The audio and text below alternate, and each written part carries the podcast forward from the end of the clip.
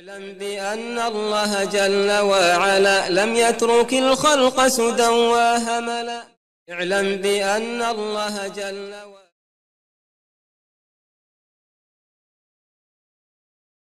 وعلى رسول الله استعين بالله لا حول ولا قوة إلا بالله. اللهم لا سهل إلا ما جعلته سهنا وأنت تجعل الحزن إذا شئت سهنا. اللهم أرنا الحق حقا وارزقنا اتباعه وأرنا الباطل باطلا وارزقنا اجتنابه ولا تجعل الحق ملتبسا علينا فنضل. اللهم آت نفوسنا تقواها وزكها أنت خير من زكاها أنت وليها ومولاها برحمتك يا أرحم الراحمين. ربنا لا تزغ قلوبنا بعد إذ هديتنا وهب لنا من لدنك رحمة إنك أنت الوهاب. اللهم اجعلنا هداة مهتدين غير ضالين ولا مضلين. يا أرحم الراحمين اللهم يسر ولا تعسر اللهم بارك وتمن بالخير أما بعد Sva hvala i zahvala pripadaju samo Allahu, gospodaru svih svjetova, savršenom. Salavat i salam na Muhammeda sallallahu alaihi ve sallame, povjedljivog, koji je dostavio poslanicu od Allaha, koji je teoretski i praktično tokom svog života provedenog sa objavom i u islamu u užem smislu riječi pojasnio, pokazao sve ono što Allah subhanahu wa ta'ala traži od svojih robova. Hvala Allahu gospodaru svih svjetova koji nas okupi na ovom mjestu večeras da slušamo o njemu. Šarijasko znanje je neuporedivo najvrijednije i najkorisnije znanje od svakog vida znanja kojeg čovjek može da zna i nauči. Iz jednog prostog razloga. To je zato što sve što ti učiš i što ti treba na ovom svijetu treba ti za tvoj dunjaločki život. Osim šerijeta, to ti treba za tvoj ahiretski život. Dunjaloški život, kao što kaže poslanik sallallahu alejhi ve sallam, prosječan život mog umeta traje između 60 i 70 godina mnogi to ne doživi. Neki malo i prebaci Allahom voljom i dozvolom. Ali to je kratko. Ahiret je, kao što Allah subhanahu wa ta'ala kaže, vječan i boli. I ono što naučiš, što ti koristi trajno, je neuporedivo bolje od onoga što naučiš, a koristi ti prolazno. Večera smo počašćeni sa dvije grupe gostiju sa musafirima koji su došli iz daleka.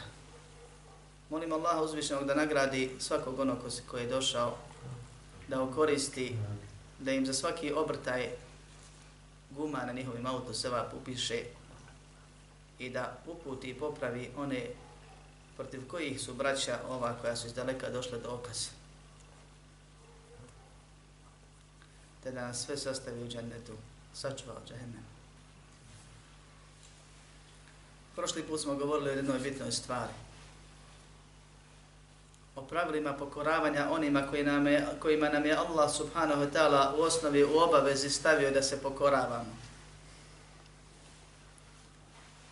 I o generalno primjeni pravila i razumijevanju pravila nema pokornosti stvorenju, grešenju prema stvoritelju. Šeheh je kroz prošli i ovaj kroz prošlo i ovo poglavlje tumačio jedan ajet iz Kur'ana u kojem Allah subhanahu wa ta'ala kaže Ja juha alladhina amanu ati'u Allah wa ati'u rasula wa ulil amri minkum fa in tanaza'tum fi shay'in farudduhu ila Allahi wa rasul in kuntum tu'minuna billahi wal yawmil akhir dhalika khayrun wa ahsanu ta'wila. Ovi koji vjerujete pokoravajte se Allahu i pokoravajte se poslaniku i pretpostavljenima vašim. A ako se, i o tome smo u ovom dijelu ajeta smo govorili prošli put. Nastavlja dalje gospodar svjetova naređujući nam. Fa in tanaza'tum fi shay. Ako se u nečemu raziđete, ne slažete, nesporazum desi, vratite to Allahu i poslaniku. To jest, vratite se za rješenje Allahu i poslaniku. Ako vjerujete u Allaha i u onaj svijet, u vječni i bolji ahiret, To vam je bolje. To je najbolje rješenje i najbolje tumačenje. Nakon toga Allah subhanahu wa ta'ala kaže Alam tara ila alladhina yas'umuna annahum amanu billahi annahum amanu bima unzila ilayka wa ma unzila min qablik yuriduna an yatahakamu ila at-taghut vidjeli ti one ili znaš li za one ili napominjem te na one koji su sebi umislili da vjeruju da vjeruju u ono što ti je objavljeno koji lažno tvrde da vjeruju u oni što ti je objavljeno a njihovo stanje je kakvo oni žele da im se pred tagutom sudi. Večerašnje poglavlje kod komentatora knjige Tevhida nosi naziv poglavlja o nesuđenju po Allahovom zakonu. Između ostalo, to nije naziv, nego je to srž onoga što se govori. A suština govora i osnova govora o ovoj i prethodnim temama je vjerovanje u Allaha subhanahu wa ta'ala kao savršenog gospodara koji jedini ibadet zaslužuje. Zbog tog vjerovanja smo stvoreni. Zbog tog, tog vjerovanja ćemo biti proživljeni. Na osnovu tog vjerovanja ćemo račun polagati. Zbog tog ispravnog vjerovanja će dženetle u džennet biti uvedeni. Oni koji pogriješe u tom vjerovanju bit će u džehennemu poniženi. Čovjek mora i treba da nauči o svojoj vjeri ono što ga nužno čini vjernik. I to mu je obavezno. I to je obavezni dio šarijaskog znanja. A naučit se neće spavajući u krevetu. Naučit se može samo učeći od onih koji te podučiti mogu. Pa je bitno da se ovome vodi računa. Naša vjera je građena na dva temelja. U dvije rečenice sadržana. Sa te dvije rečenice se ulazi u islam. Razživjeći i radeći po te dvije rečenice se biva i obstaje muslimanom ko umre, a ne prekrši ono na što ukazuju te dvije rečenice, ostaje i preseli kao musliman. I džennet mu je zagarantovan kad tad. Onaj ko poništi te dvije rečenice koje makar izgovarao ili nastavio izgovarati nakon toga, a radi suprotno njima, ono što ih uništava, negira, taj nije musliman i nesretan će biti na ovom svijetu i vječno poražen i ponižen u džehennemu na ahiretu. Ešhedu an la inaha in Allah wa ešhedu anna Muhammeden Rasulullah. Svjedočim A svjedočiti može, braću moja, ko? Ko je vidio u osnovi, ko zna. Pa mi svjedočimo sa objeđenjem kao da smo vidjeli Allaha. Jer ne sumnjamo jer znamo, jer vjerujemo. Srce jezikom potvrđujemo i dijelima primjenjujemo. Da nema drugog Boga sem Allaha. Bog je onaj ko se obožava. Obožavat nekoga znači činiti mu ibadet. Da se ne obožava niko sem Allaha. Da se ibadet ne pripisuje nikome sem Allahu. Zašto? Zašto je to Allahu, a ne moje i tvoje pravo? Allah gospodar. Zato što je Allah savršeni gospodar. Maša Allah. I zato što nema savršenog sem njega. I zato što nema gospodara sem njega. Subhanahu wa ta'ala. I na osnovu te dvije stvari samo on zaslužuje da bude obožavan. Da mu se bilo koji vid, odnosno svaki vid ibadeta čini. Ovaj temelj podrazumijeva između ostalog vjerovanje da sve što Allah, što je Allah, Dakle, Allahovo biće i njegove osobine. I što čini Allah, i što propisuje Allah, i što određuje Allah, da je sve savršeno. Jer savršen ne griješi. Da je samo apsolutno tačno ono što Allah kaže.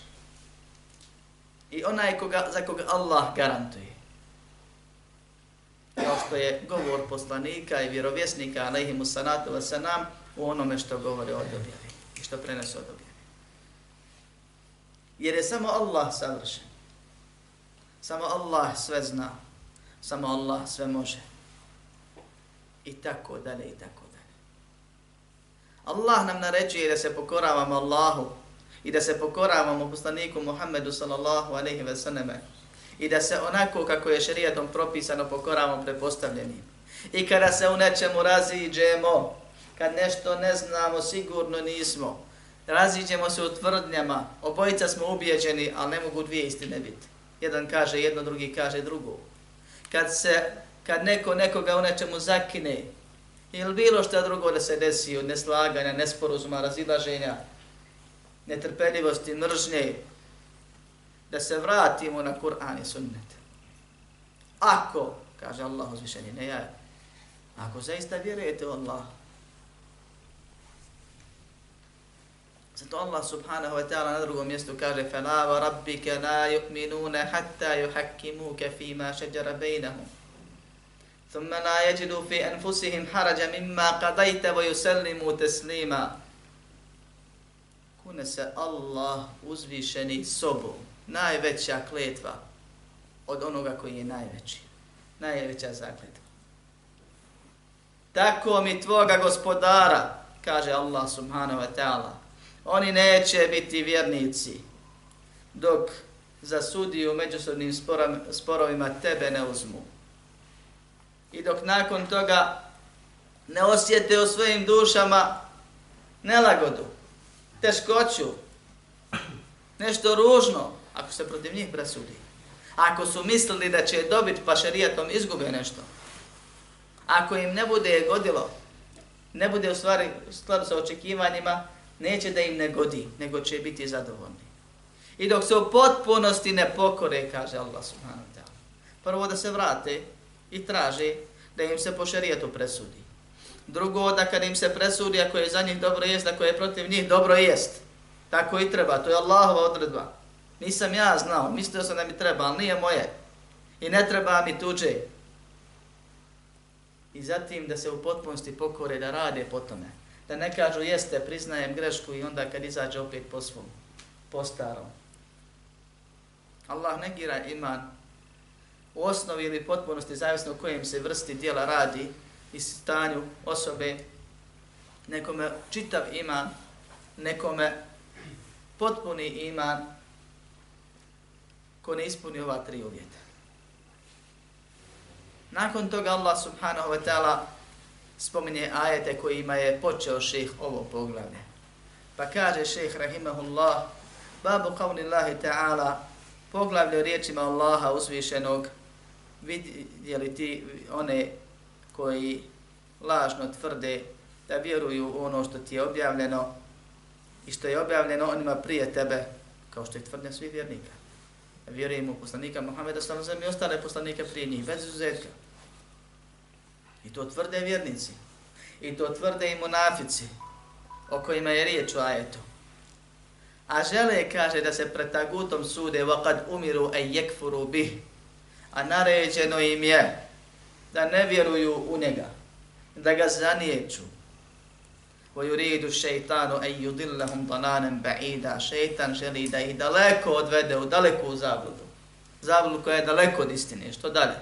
To šeitan ugoni. وإذا قيل لهم تعالوا إلى ما أنزل الله وإلى الرسول رأيت المنافقين يسدون عنك سدودا kad im se kaže dođite dođite pokorite se onome što vam Allah i poslanik objavlja što vam Allah objavlji i poslaniku se vratite vidjet ćete kaže munafike da bježe daleko da se okreću da se odmeću Allah subhanahu wa ta'ala spominje i na drugom mjestu, kaže kad budu pozvani, odneću se, okreću se, da im se po šerijetu presudi. Wa in yakun lahum al-haqq ya'tu ilayhi mud'inin. A kad je kaže njima njihovo pravo, kad znaju da su u pravu da će dobiti svoje pravo, onda dođu pokorni. Kao da se u, u svemu pokoravaju i traže svoje pravo. I skoro u svim situacijama gdje Allah u Kur'anu spominje sud taguta. Sud taguta, tagut je koji šta? Ova pitanje pitam zato što smo ih radili. Sve ono što se obožava, mislim, dolazi u granice, obožavaju mimo Allaha. Sve ono čime rob prijeđe granicu svog robovanja. Ili drugim riječom, sve što se obožava pored Allaha subhanahu wa ta'ala. Ili sve ono čime čovjek se poredi sa Allahom ili drugoga uporedi sa Allahom. Pa Allah subhanahu wa ta'ala kaže hoće da se sude pred tagutom. Ko je tagut u ovom slučaju? Ne pa Allahom zakon. Onaj ko ne sudi po šarijatu osnovu. Jer Allah subhanahu wa ta'ala kad govori o sudu kaže inil hukmu illa lillah. Sud pripada samo Allahu. Ko je još to rekao? Haridž je prva sekta u islamu, to je bila parola. Jesu li pravu? Teoretski jesu. Praktično nisu. Najgora stvorenja koja hode zemljom, tako i poslani sam sam opisao. Allah kaže sud pripada samo Allah. I to je istina jer sud u osnovi znači propisivanje, određivanje, naređivanje. Allah je savršen. I o tome sam malo, primjere toga sam malo prije spomenuo. Allah je ujedno i gospodar. I to stalno svako malo ponavljamo. Što znači onih pet stvari. Odredio svima sudbinu, da stvara, vlada, upravlja, nagrađuje ili kaže. Allah te nagradi da je Allah subhanahu wa ta'ala svemu sudbinu odredio prije nego išta stvorio. Znao sve kako će biti, kako će izgledati, kako će završiti, propisao to i zapisao. I htio to da se desi. Pa Allah subhanahu wa ta'ala sve stvorio i sve stvara. Allah subhanahu wa ta'ala sve stvoreno, samo on posjeduje, ne izmiče mu ništa vlasti. Allah subhanahu wa ta'ala sve održava, uređuje, svim upravlja. I Allah subhanahu wa ta'ala ništa od ove četiri stvari nije onako bez veze, uzalud. Odredio, pa stvorio, pa upravlja, nego je to cilje. A cilj je ono što Allah subhanahu wa ta'ala u Kur'anu naziva Allahovim danima. Polaganje računa, nagrada i kazna. E, pošto je jedna od pet stvari koje gospodara čine gospodarom pravim, i zbog kojih je samo Allah pravi istinski gospodar, upravljanje, uređivanje, to nužno podrazumijeva da Allah subhanahu wa ta'ala one koje je stvorio, da im i propiše stvari po kojima će se vladati, na osnovu, koji, na osnovu kojih će račun polagati, nagrađeni ili kaženi biti. I da im propiše stvari koje im trebaju za normalan život na ovom svijetu. I zbog toga sud pripada samo Allahu. Jer samo Allah sve zna. Zna kako stvorenja funkcionišu. Šta im treba, šta ne treba. Šta im je korisno, šta im je štetno. Kako da budu sretni? Kako će biti nesretni? Pa im propisuje sve znajući i sve ono što im u potpunosti odgovara. I sve suprotno tome Allah naziva tugijanom, prelaskom granice. Jer dođe rob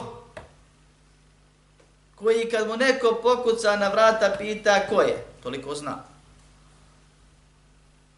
Koji sam ne može okom trepnuti da Allah to ne dozvoli i ne pomogne mu.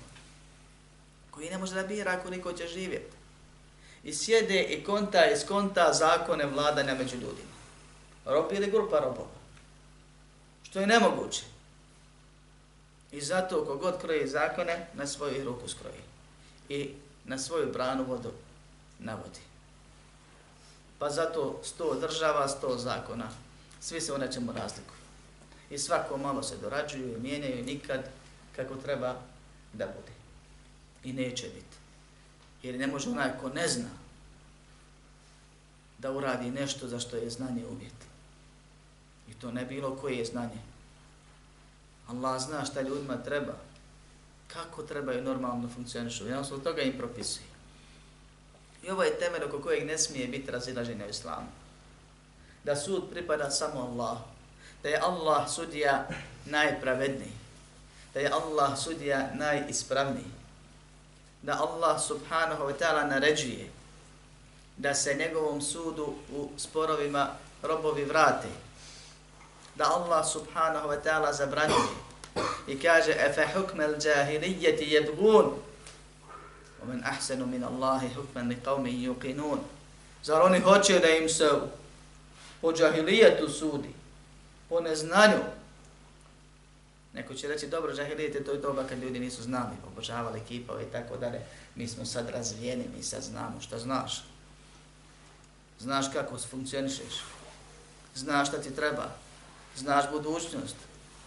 Ne znaš prošlost. Historiju ljudi izučavaju pa se razilaze. Jer je kroje pobjednici. Kao što i zakone kroje ljudi. Sebi oni koji ih kroje. Ne znaš prošlost, a kamo li budućnost. Sam si nesretan, a drugima sreću pokazuješ. To je nemoguće. To samo sveznajući može. Zato se Allah čudi i kritikuje i pita zar hoće džahilijetski sud, jer sve osim suda sveznajućeg je neznanje. Bez obzira koliko ti imaju informacija o životu. Allah subhanahu wa ta'ala suri Rum kaže većina njih ne zna. A znaju, ja'lamuna zahira min al-hayati dunja. Znaju, kaže, površne stvari o dunjaluku. Sve ovo što znaju ljudi na ovom svijetu, od tehnologije i napretka, to Allah naziva neznanje. A zatim kaže, to je samo površno znanje. Što? Da se može ovim znanjem, braćo moja, kupiti cigla u džennetu? Ne može se ući. Jel se može ko, noga kročiti, staviti u džennet? Pomoć tehnologije. Nije to znanje koje vode vječnost, koje vodi vječnoj sreći. To je znanje koje pomaže ljudima da lakše i ljepše žive na dunjaluku i koje mogu ti isti ljude u zloupotrebe i okrenu protiv sebe ili drugih. I zato je to površna stvar. Jer dunjaluk je toliko bitna stvar. Da je došlo u hadisu da Allah kod Allah, da dunjalu kod Allaha vrijedi koliko krilo mušice ne bi dao nevjerniku nikada da se vode napije s njega. Toliko je bitna stvar da će ga Allah prah pretvoriti. Da će ovu zemlju zamijeniti. Ovaj život za kojeg mnogi žive, ne vjerujući u drugi ili vjerujući, ali nimalo ne radeći kao da ne vjeruju, za onaj drugi svijet je potpuno bezvredna stvar.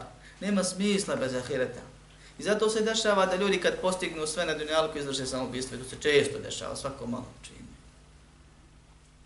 Ako je to sreće, ja srta nisam. A ne nemam gdje dalje.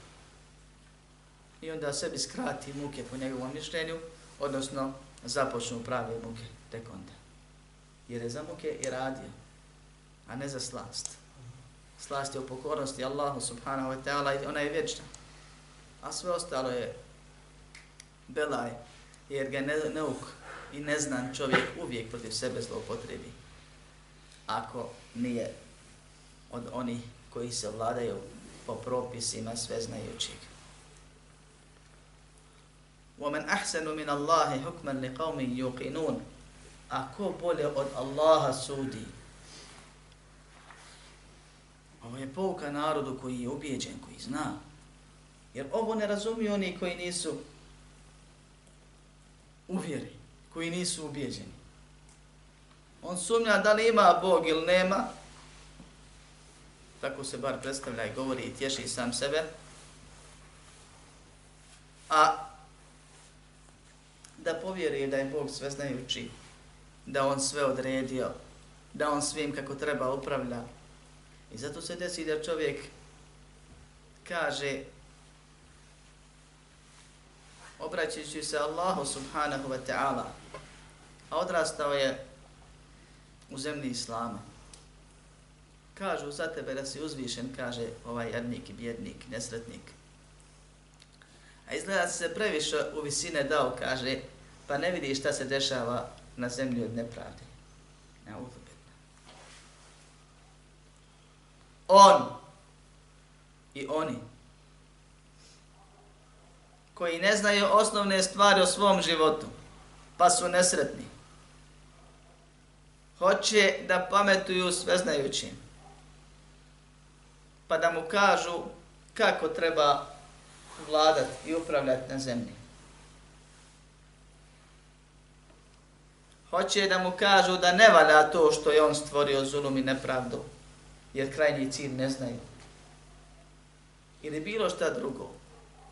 A sama račanica koju izgovore vodi ih u večnu nesreću. Gdje će da mole smanji nam kaznu. A prije toga kažu vrati nas na ovaj svijet.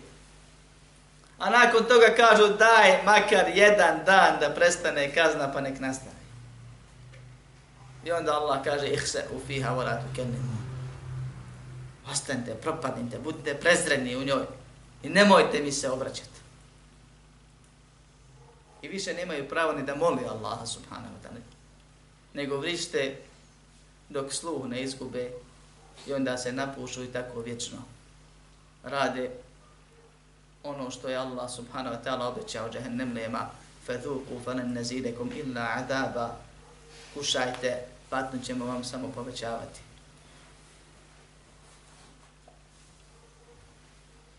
Čovjek izgovori jednu riječ, ne mareći za njenu težinu, a bude bačen u džehennemsku vatru duže, dublje nego što je razdeljen između istoka i zapada. Allah subhanahu wa ta'ala je obavezao robove da vjeruju da sud pripada samo njemu i da se njegovom sudu vraćaju i obraćaju.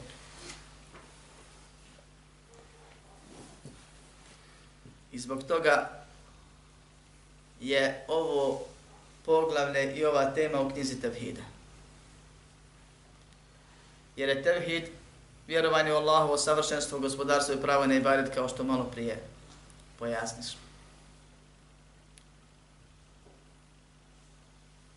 A nesuđenje po Allahovom zakonu zadire u sve tri ove stvari. Samo obraćanje Allahu je ibadet. Zašto? Zato što je to tako. Zato što Allah naređuje to. Ibadet je sve što Allah voli, što je zadovoljno, što je naredio, što je nagradu pripremio. Vjerujući da je Allah sudija najbolji i najpravedniji vjer, podrazumija vjerovanje u Allahovo savršenstvo kroz njegova imena i osobine. I u Allahovo gospodarstvo kroz uređivanje života na zemlji. I zato mnogi učenjaci su raspravljali da li je tehakum ili hukum spada, zalazi u rububijet ili u luhijet, a dio učenjaka tvrdi da spada i obuhvata ili podrazumijeva sve tri vrste tevhida.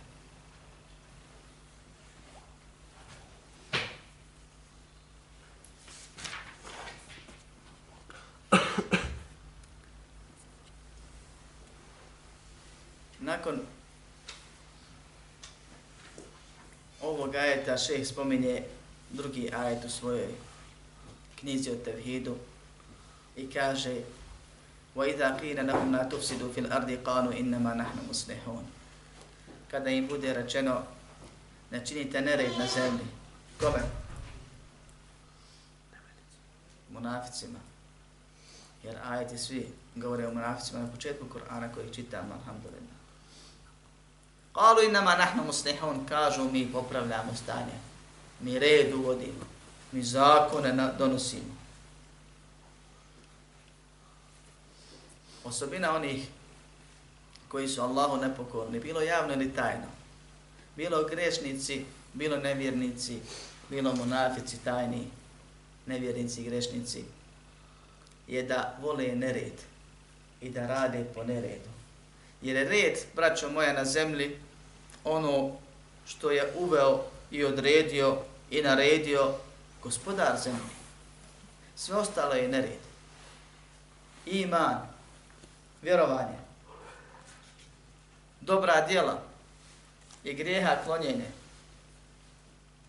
te onih stvari koje nisu zabranje konzumiranje predstavlja red na zemlji.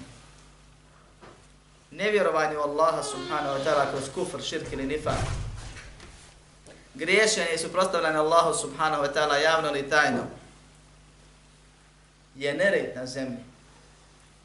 Shodno tome koliko čovjek je u ovim stvarima, toliko čini nered na zemlji.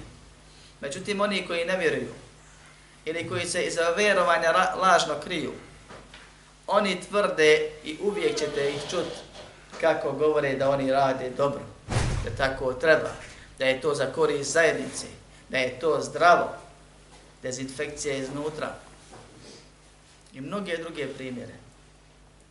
Dođe i pravda.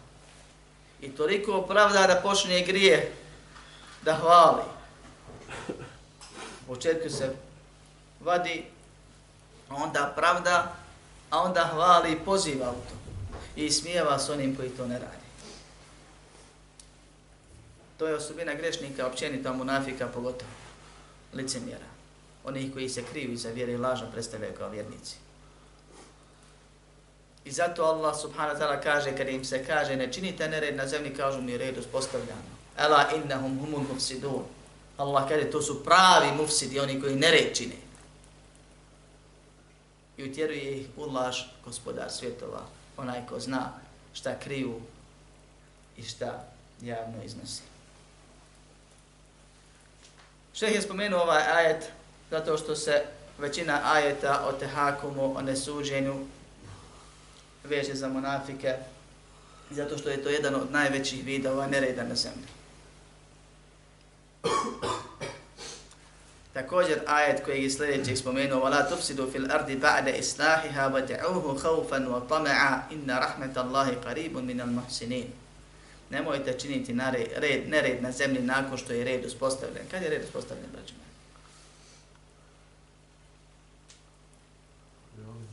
Molim? Sa Ademom, alaihi salam. Allah te nagradio.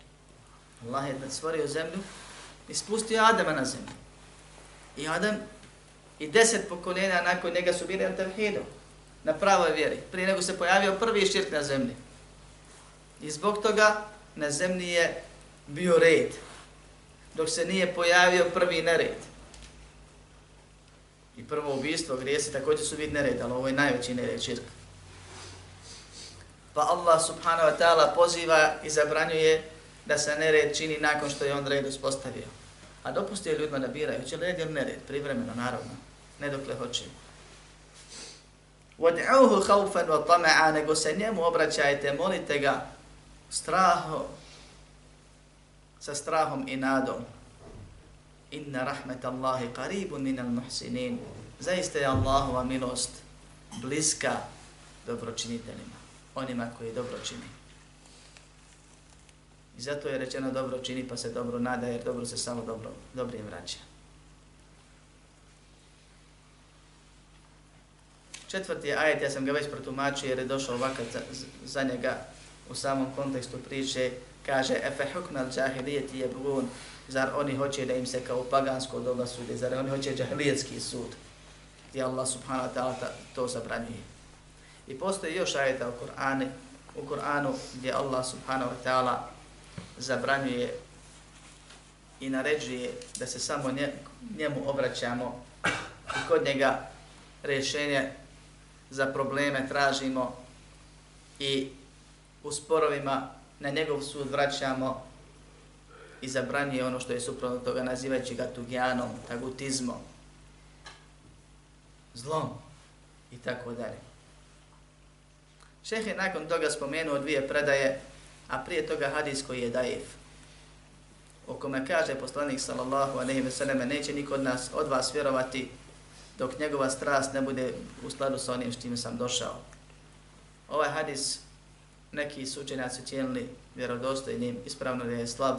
Oni koji su ga ocijenili vjerodostojnim imaju problem kako da ga pojasne jer strast je ogotin ostaje nešto što je negativno pa kažu težnja da insan treba da teži u skladu sa onim i to je ispravno značenje osnovi da insan mora da zna da je ono što je Allah propisao je ispravno, makar ja to ne shvatio. I da sam vjernik zato što vjerujem u sve što je Allah objavio i vjerujem da tako treba da bude, makar mi u nekim detaljima nešto trenutno ne godilo. Kao što Allah kaže, propisano je gorba, mada vam nije povodi. I ne smeta to što je nešto čovjeku ne godi, sve dok vjeruje da je to ispravno i da po tome radi. Pa se na to odnosi hadis kod onih koji ga vjerodostojnim smatraju. Nakon toga šeh spominje dvije predaje kojima se razumije ajet s kojim je šeh počeo poglavlje. Kaže da je Ša'bi rekao كان بين الرجل من المنافقين ورجل من اليهود خصومة فقال يهودي نتحاكم إلى محمد صلى الله عليه وسلم لأنه, لا لأنه عرف أنه لا يأخذ الرشوة وقال المنافق نتحاكم إلى اليهود لعلمه أنهم يأخذون الرشوة فاتفق أن يأتي كاهنا من جهينة فيتحاكم إليه فنزلت ألم تر إلى الذين يزعمون الآية kaže, desio se nesporazum, problem, parničenje između čovjeka od jevreja i munafika. Munafici su ljudi koji kažu mi vjerujemo, a ostali ne vjeruju, da bi sačuvali svoj metak, svoj život i tako dalje.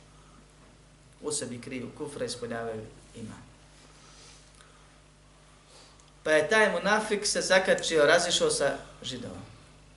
Pa kaže ovaj, idemo, jevrej kaže, idemo da se parnićemo, nek nam presudi Muhammed sallallahu alaihi wa sallam. Zašto bira njega ima svoj sud? Zato što je bio siguran da je u pravu, a izabrao je njega, nije ošao kod svojih, jer je znao da on nije podmitljiv. Kao što stoji u tekstu. Da ne uzima mito. A munafik kaže, čovjek koji kaže vjerujemo Allah, svjedoči da je Muhammed poslanik sa osam. Kaže, idemo mi kod židova, nek nam oni presude. Zato što je planirao da ih podmiti. Pa Allah objavljuje ajete, vidjeli ti one koji lažno tvrde da vjeruju, a hoće kod taguta da se sudi. U drugom predaji, a ne smeta da za jedan ajet bude više povoda objave ili da jedan ajet odnosi se na više različitih situacija, makar ne bile direktan povod, povod objave, kaže se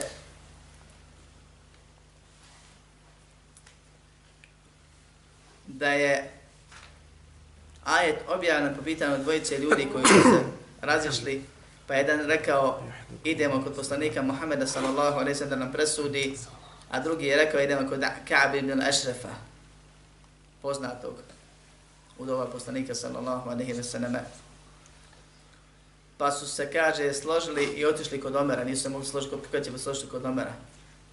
I onda mu je jedan od njih spomenuo cijelu tu priču. Rekao mi je šta? Mi smo mišli otići kod Muhameda sallallahu alaihi sallam, pa on je htio kod Kaaba, pa smo došli kod tebe. Pa je Omer rekao onome koji nije bio zadovoljan da mu, se, da mu Muhammed sallallahu alaihi wa sallam presudi, jer, je li to istina, kaže da, pa mu je odsjekao mačem glavu. Zašto? Ako nije otišao kod poslanika sada, sada znači pa da je poslanik sada, sada nije vrijedan hatredem kod Omera, da Omer bude vrijedniji poslanik.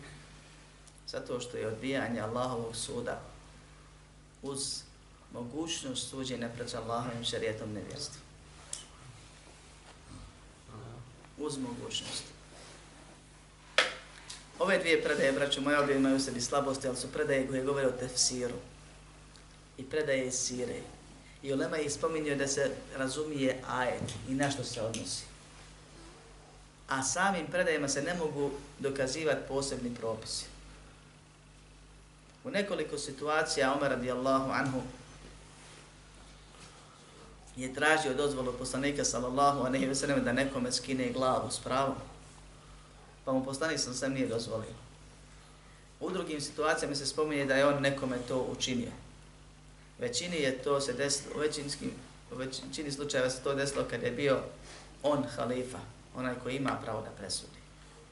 A u nekim drugim predajama se spominje ili razumije se da je to bilo u doba poslanika sallam kao što je ovaj slučaj, pa prvo predaje ima u sebi slabosti, ne mora biti vjerodostojna.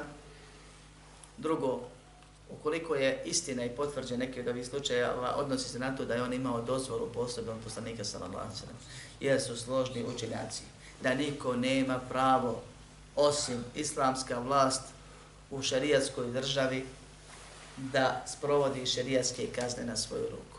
Ne džemat, ne organizacija, ne grupa ljudi, ne nekako selo ili ne znam nijako pleme i tako dalje.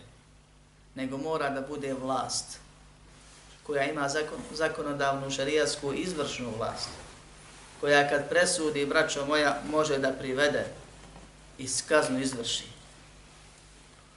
I zato je smiješno ono što se dešava u nekim grupacijama, a usto je zabranjeno i suprotno šarijatu, da svako malo kad se raziđu idu nekome da ih presudi. I nazivaju to sudom i suđenjem po šarijatu. A radi se o grupi ljudi koji nisu država. U šarijetu ima opcija da se može otići kod nekoga da nam da svoje mišljenje, da nas pomiri. I to nije sud. I zato ta osoba ima pravo da sklopi nagodbu. Ne mora znati tačan propis i ne, ili ne mora spomenuti tačan propis, nego može da dogovori da malo odvadi ovaj, odvadi onaj pa da se pomiri. Dok sudija ne može tako da uzma nečije pravo, nego mora da kaže ti si u pravu, ti si u krivu, vrati mu njegovo pravo. I to nisu sudovi. I to nije suđenje. To je sli, najsličnije onome što se nazivalo prije mirovno vijeće. Izabereš nekog eto da nam se na savjetu, da nas pomiri, različite smo se ko zna da nam kaže i tako. Ovaj uvod I ovo je sve uvod. Iako sam protumačio protumačio dokaze koje je šeh pogledao spomenuo. Je morao biti ovakav. Iz razloga što ovo pitanje, kao što kaže islamski učenjaci, je jako bitno pitanje. Ne samo zbog svoje težine u šerijatu, već zbog toga što je ovo pitanje i tekako zlo upotrebljeno pitanje. Mnoga razilaženja pa je ratovanja među muslimanima su se desila zbog ovog pitanja ili zbog neispravnog razumijevanja, odnosno nerazumijevanja ovog pitanja. Prva novotarija na zemlji se pojavila zbog ovog pitanja. Kad su Alija i Moavija se razišli i svako imao svoju pokrajinu po hilafeta i desila se fitna među njima i kažu odaberite vi ljude od sebe, mi ljude od sebe, nek sjedu, nek se dogovore, nek nam presude, pojavili se grupa i kažu vi ste upravo tim što ste uradili počinili nevjerstvo i vi ste nevjernici jer sud pripada samo Allahu. Da ih se upita gdje ste našli to da sud pripada Allahu, rekli bi našli u Kur'anu.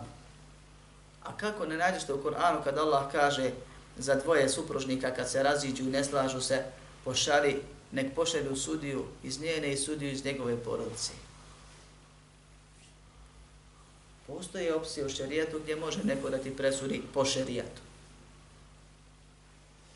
I sama nešto što se zove kadija i on je čovjek koji je stup šerijatske države. I on sudi, ali ne po svom šefu, nego po šerijatu. I zato nesuđene po Allahovom zakonu je kufr. A suđene po Allahovom zakonu je iman. S tim da se ulema od davnina razilaze u kojim situacijama taj kufr biva pravi kufr koji izvodi iz vjere, a u kojim situacijama taj kufr biva kufr koji ne izvodi iz vjere ili mali kufr. I postoji nekoliko situacija kad je suđenje po Allahovom zakonu zabranjeno. Kad je nesuđenje po Allahovom zakonu veliki kufr, ili kad je suđenje, nesuđenje po Allahovom zakonu mali kufr, ili kad je nesuđene po Allahovom zakonu u potpunosti dozvoljena stvar. Lično sam sa ovim pitanjem zbog težine i situacije u kojim smo se našli svi mi u proteklim godinama bavio sedam godina. Pored ostali naravno pitanja. I da bi se o njemu kako treba studiozno govorili, govorilo nije dovoljno sedam tersova Ali nama u ovom ciklusu ne treba to. Možemo pokušati na brzinu nabrajati ove situacije ili možda bi bilo bolje ostaviti to za sljedeće predavanje, da razradimo ako Bog da stanja u kojima je nesuđene po Allahom zakonu veliki kufr, nesuđene po Allahom zakonu mali kufr, da znamo. S tim da je ulema složna da se mora vjerovati da Allah sudje najpravedniji. Da se mora u šarijaskoj državi obratiti šarijaskom sudu. Da onaj ko u šarijaskoj državi samo želi, kao što Allah u Koranu kaže, da mu neko drugi presudi da je to samo po sebi nevjerstvo. Zatim, osnova je kod tog nevjerstva da je to nevjerstvo licemjerstva, kufr nifak, jer mi ne znamo šta ko želi, šta ne želi. Pa je osoba takva u osnovi munafik, vjernik u očima vjernika, nevjernik od Allaha. I zato Allah često poziva i spominje i na povodom munafika objavlja ove ajete. Ulema je složna da su istine te riječi Allaha subhanahu wa ta'ala la yukellifu Allahu nefsan illa vus'aha. Allah nikog ne opterećuje preko njegovih mogućnosti.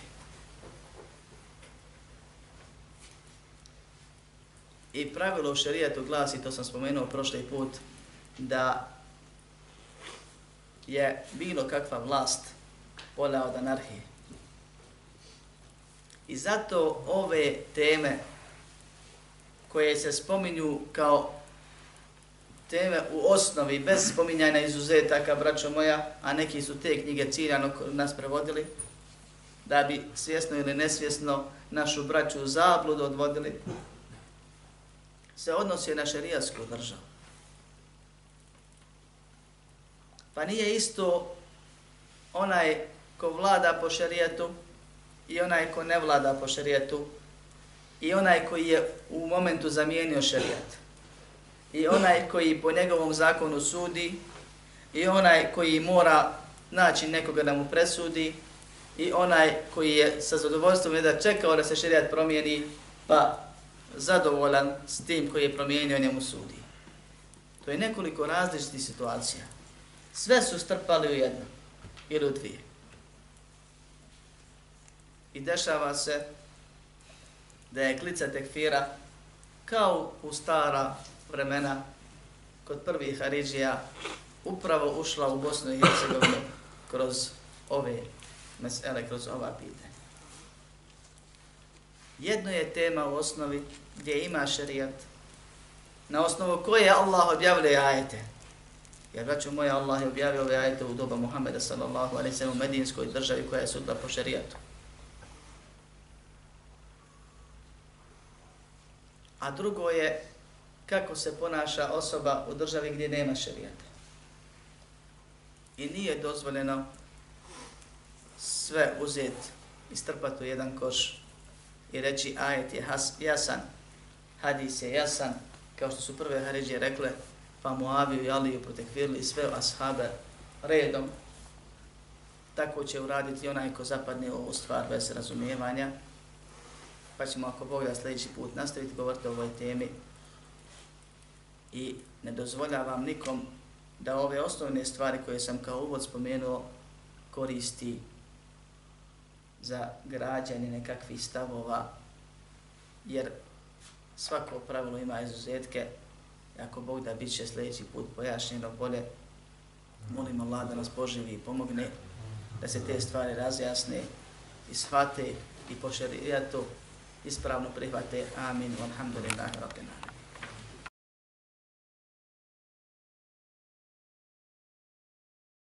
اعلم بأن الله جل وعلا لم يترك الخلق سدى وهملا. اعلم بأن الله جل وعلا